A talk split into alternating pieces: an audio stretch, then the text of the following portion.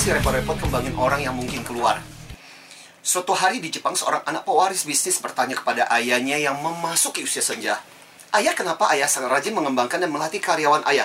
Bagaimana kalau mereka keluar dan ada beberapa di antaranya yang sudah keluar? Malah membangun bisnis yang sama. Buat apa? Apa untungnya buat kita? Suatu hari, si ayah sengaja pergi bersama dengan anaknya keluar kota ada dua tempat utama yang mereka akan singgah. Pertama, mereka bertemu dengan seorang petani tua yang hasil kebunnya menjuarai seluruh Jepang. Menariknya, si petani ini rajin membagikan bibitnya kepada banyak orang. Lalu si anak ini menanyai si petani itu, kok bapak mau membagikan bibit-bibit ini kepada banyak orang? Nanti kalau mereka juara bagaimana? Lalu si petani tertawa dan berkata, Nak, kamu mesti mengerti soal pertanian. Di sini semua saling terhubung. Kalau bibitmu bagus sementara bibit di sekitarmu jelek, maka apa yang akan terjadi?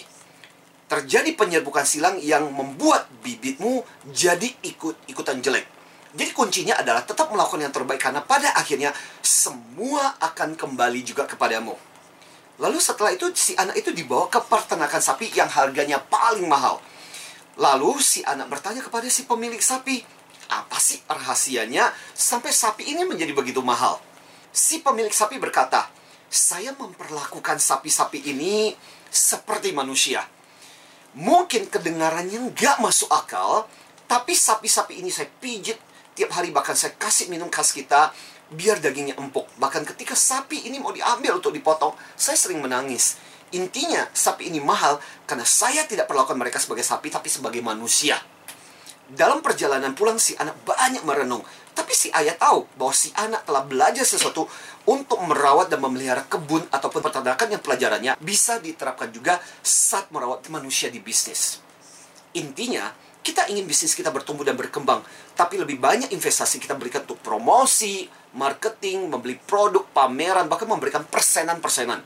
Tapi kita sering lupa bahwa investasi penting yang tidak boleh dilupakan adalah manusia di bisnis kita kalau manusia kita bagus, maka bisnis kita juga akan dirawatnya. Tapi manusia yang tak terurus dan kacau, hasilnya juga bisnis yang kacau.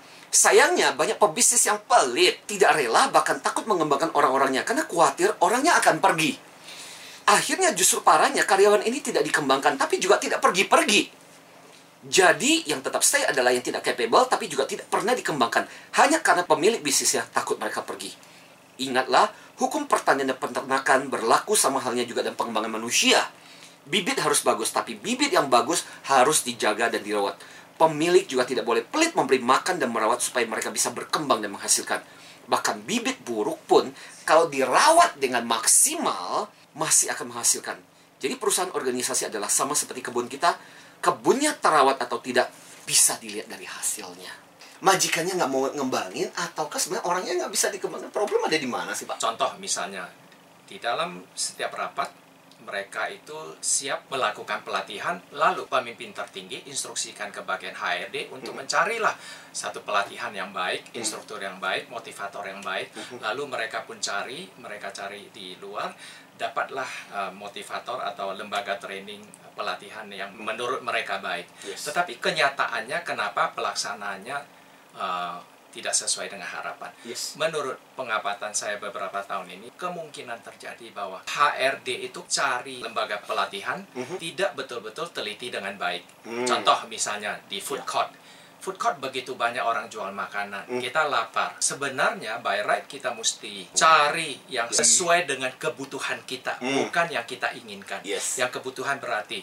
bisa membuat kita kenyang, yes. lalu yang bergizi. Betul. Bukan cari apa yang kita inginkan. Ya. Nah, orang HRD ini kalau mereka tidak wise, mereka hanya terima instruksi ikut-ikutan lalu cari pelatihan yang tidak sesuai dengan kebutuhan perusahaan hmm. atau dengan kata lain kemungkinan tidak ya. semuanya yang menghabiskan budget okay. karena instruksi bos ya saya coba lakukan ya. lalu parahnya lagi mereka itu dapatkan lembaga pelatihan sedangkan orang HRD-nya tidak concern dengan pelatihan tersebut. Hmm. Mereka itu tidak engage. Yeah. Mereka hanya instruksikan semua berbagi kepada bawahan kalau yeah. ditanya mereka tidak mau melakukan.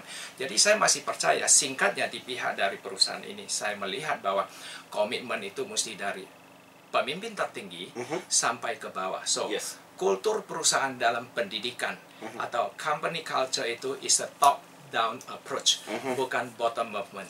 Berarti dari pemimpin tertinggi HRD yang bagian menengah ini, mereka itu harus bridging the corporate culture atau bridging the change Ya. untuk melanjutkan sampai ke bawah ini. Ya. Bahasa lain adalah tiga bagian ini mereka mesti sangat engage, Hmm. baru budaya itu bisa jalan. Oke.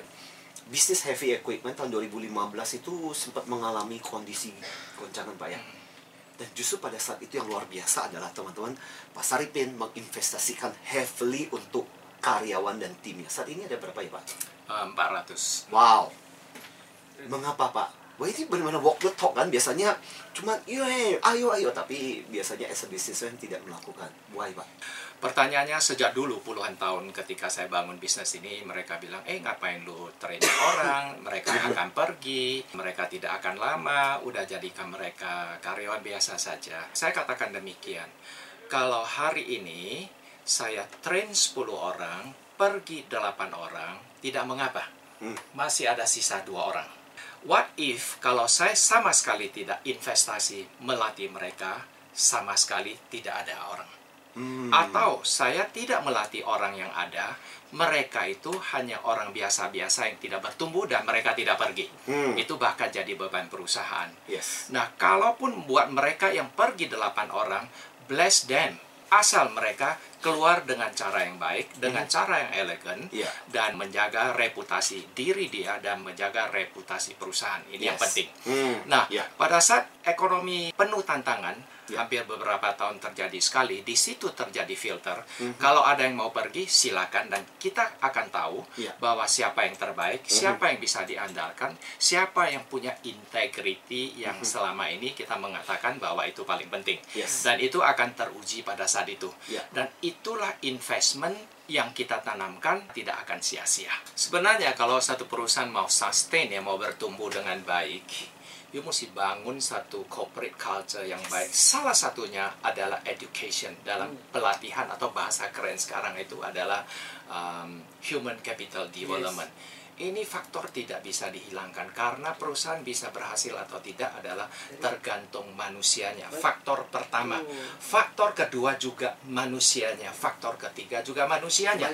So dalam hal ini Yes. you tidak bisa pelit-pelit. Tapi kalau seandainya pebisnis itu lantas kemudian bertanya begini, lah kalau saya mentraining kan, lantas kenapa setelah training lantas kemudian tidak jalan pak? kami sebagai trainer di satu pihak, kadang ada bagian HRD dari perusahaan tertentu, dia Hmm. mengatakan, hey, setelah training, tiga hari bisa jadi apa? Ya. lalu, Yes. kenapa saya harus invest sekian banyak, lalu sudah training, dan Ya. orang ini pergi? Ya. Atau sudah training juga tidak ada perubahan? Perubahan. Hmm. Sebagai team Yes. member, Yes. juga harus ada self awareness, kesadaran Kesadaran diri itu. dan self management. Kita bagi lagi beberapa macam tim member yang Mhm. mengikuti training tersebut. Kenapa mereka tidak menghasilkan sesuatu? Kalau dibagi itu jadi tiga kelompok. Mhm. Kelompok pertama adalah 80% orang Mhm. yang mengikuti seminar atau pelatihan tapi Mhm. keluarnya itu mereka hanya secara kognitif saja. Jadi Hmm. berhenti sampai di head di Oke. H pertamanya tidak meneruskan ke H kedua Oke. yaitu heart sebagai konektornya Hmm. untuk meneruskan sampai ke hands sebagai aplikasinya. Menurut riset mengatakan bahwa hampir 80% ada orang-orang seperti itu. Jadi. Cuma melekat- berhenti di berhenti kepala. di sini, mandek di Tahu. sini, macet di sini. Keren banget. Oh keren. Ya, keren. Bagus bagus. Ya. Terus yes. ada 15% lagi 15%. Ya, mereka itu terus meneruskan sampai ke konektornya yaitu Ya. heart. Untuk sampaikan ke aplikasi perlu ada pemimpin Hmm. yang punya EQ yang baik Yes. untuk melakukan membawa rombongan ini 15% ini teachable. Nah, Oke. another 5%, 5% itu Ya. Ini yang langka. Nah, ini yang langkah. Inilah yang biasanya yang jadi general, jadi champion, Hmm. atau the future leader. Mereka akan transfer dari head, kemudian heart, kemudian ke aplikasi, ke hands ya untuk meneruskan. Ini rangkaian yang tidak boleh diputuskan. Contoh misalnya, teman saya di Singapura, kami selalu sharing. Dia katakan kepada saya, seorang karyawan dia, umur 30-an, orangnya ganteng, cakep, pokoknya dari outlook sudah oke sekali. Saya bilang ini orang punya potensi dikembangkan. Yo nggak tahu Saripin, itu orang punya EQ very low. Hari itu ada satu training yang penting sekali untuk pengembangan diri, untuk ilmu-ilmu penunjang profesi. Dia bilang dia nggak mau ikut. I'm not interested. Saya bilang, if I were you, Ya. ini orang kita counseling him out. Mhm. Karena masa depan sudah nggak ada. Seseorang kalau tidak mau belajar, berarti Ya. tidak ada pertumbuhan. Berarti tidak ada kemajuan. Ya. So, orang ini menurut saya tidak perlu dipakai. Habis waktu saja. Saya bilang, so what are you going to do? Dia bilang, kami waktu dia masuk, ada satu kontrak, Mhm. waktu perjanjian kerja itu, Yes. di luar waktu kerja, Ya. perusahaan berhak untuk kirim you ke lembaga training yang kepentingan untuk perusahaan atau pengembangan diri. Kalau you tidak bisa terima ini, perusahaan bisa untuk meminta you keluar tanpa Oh, ada ganti. Jadi terms itu Sudah. dicatat Sudah. dengan sangat jelas. Oh. Kalau melihat positifnya Pak ya, Ya. itu baik loh. Dia dengan jujur katakan dia tidak interested. Ah, Yes. Coba kalau dia berpura-pura, Pura. bagus nggak seminarnya Pak Antoni? Fantastic, very good applicable. Tetapi dia tidak masuk. masuk sehingga nanti Ya. kelompok orang ini Begitu. menyalakan Uh-uh. seminar itu tidak baik. Ya. Di perusahaan kami sangat hati-hati. Beberapa seminar sudah dalam catatan saya karena beberapa tahun ini saya coba melihat mereka itu tidak engage. Mhm. Mereka hanya secara kognitif. Nah ini ini berbahaya sekali. Ya. Sebenarnya banyak perusahaan mereka sudah lakukan pembelajaran, apalagi sekarang dengan teknologi yang tinggi. Betul. Ada satu perusahaan, istilahnya building people, bukunya sudah jilid keempat. Ini satu perusahaan besar sekali di Singapura, sudah 20 tahun dia itu kirim Sunday email kepada karyawan dia. Sekarang ini dia umur 70 sekian tahun, makanya saya sendiri mengcopy dari Ya. punya modified. Ya. Sekarang saya everyday WhatsApp Wow. untuk Oke. memotivasi orang kita. Yes. Dari situ juga saya merasakan bahwa yang betul-betul untuk engage membaca loh Heeh. Ya. paling 20%. Yes. Ya. Belum lagi masuk ke hati, belum Ya. lagi aplikasi. Yang baca aja cuma 20%. Iya, Kebayang. ada yang hanya memenuhi Yes. supaya bos senang, supaya Iya. dia buka, supaya kelihatan ada centang dua gitu loh. Iya. Saya tahu tentang hal itu, but I feel sayang ya. Yes. Anda punya kemampuan talenta dan Iya. potensi KTP itu, kemampuan talenta dan potensi, Potensi, kenapa nggak manfaatkan? Iya. Lalu kami gali hal-hal yang baik, beritahukan kepada mereka. Betul. Kenapa mereka nggak ciptakan uniqueness? Heeh. Contoh misalnya, mereka itu sebagai tim member, kalau mereka ada uniqueness, keluar dari red ocean. Sekarang persaingan kan ketat. Betul. Bahasa Inggris semua orang bisa, bahasa Yes. Indonesia semua bisa. Iya. Semua warga Indonesia. So, kalau ada seseorang keluar dari situ, perluas comfort zone dia lebih banyak membaca, Iya. belajar satu bahasa tambahan, Tambahan, misalnya. iya. So, so called misalnya Mandarin misalnya. Bukankah itu ada satu nilai tambah? Yes, merupakan market value yang berbeda dengan yang lain. Orang-orang di atas menganggap bahwa karyawan yang pintar ataupun cerdas cenderung akan pergi jika mereka terlalu banyak tahu tentang bisnis perusahaan.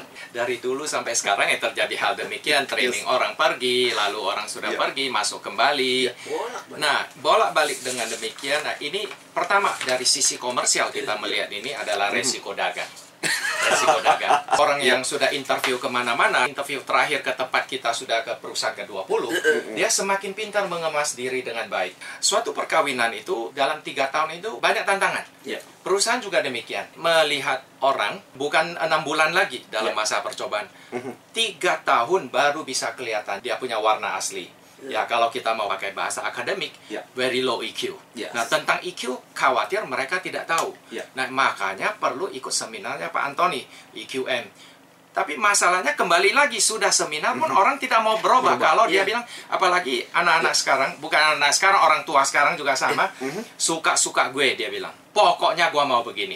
Jadi sama sekali tidak open mind. Ya. Nah, orang seperti itu tidak engage dalam tiga bagian, head, Ya. heart, dan application. Sampai sekarang kita bisa melihat bahwa ada dua sisi. Sisi pimpinan dari sisi anak buah. Ya. Dari sisi pimpinan sebenarnya juga penting juga memiliki head, heart sama hand sebenarnya. Headnya adalah pola berpikirnya, bagaimana dia melihat karyawannya sebagai aset bukan sebagai cost. Melihat cara berpikir ketika heartnya mengatakan, aduh nggak usah deh. Akhirnya kemudian apa yang dilakukan pemimpin adalah dia nggak ngembangin.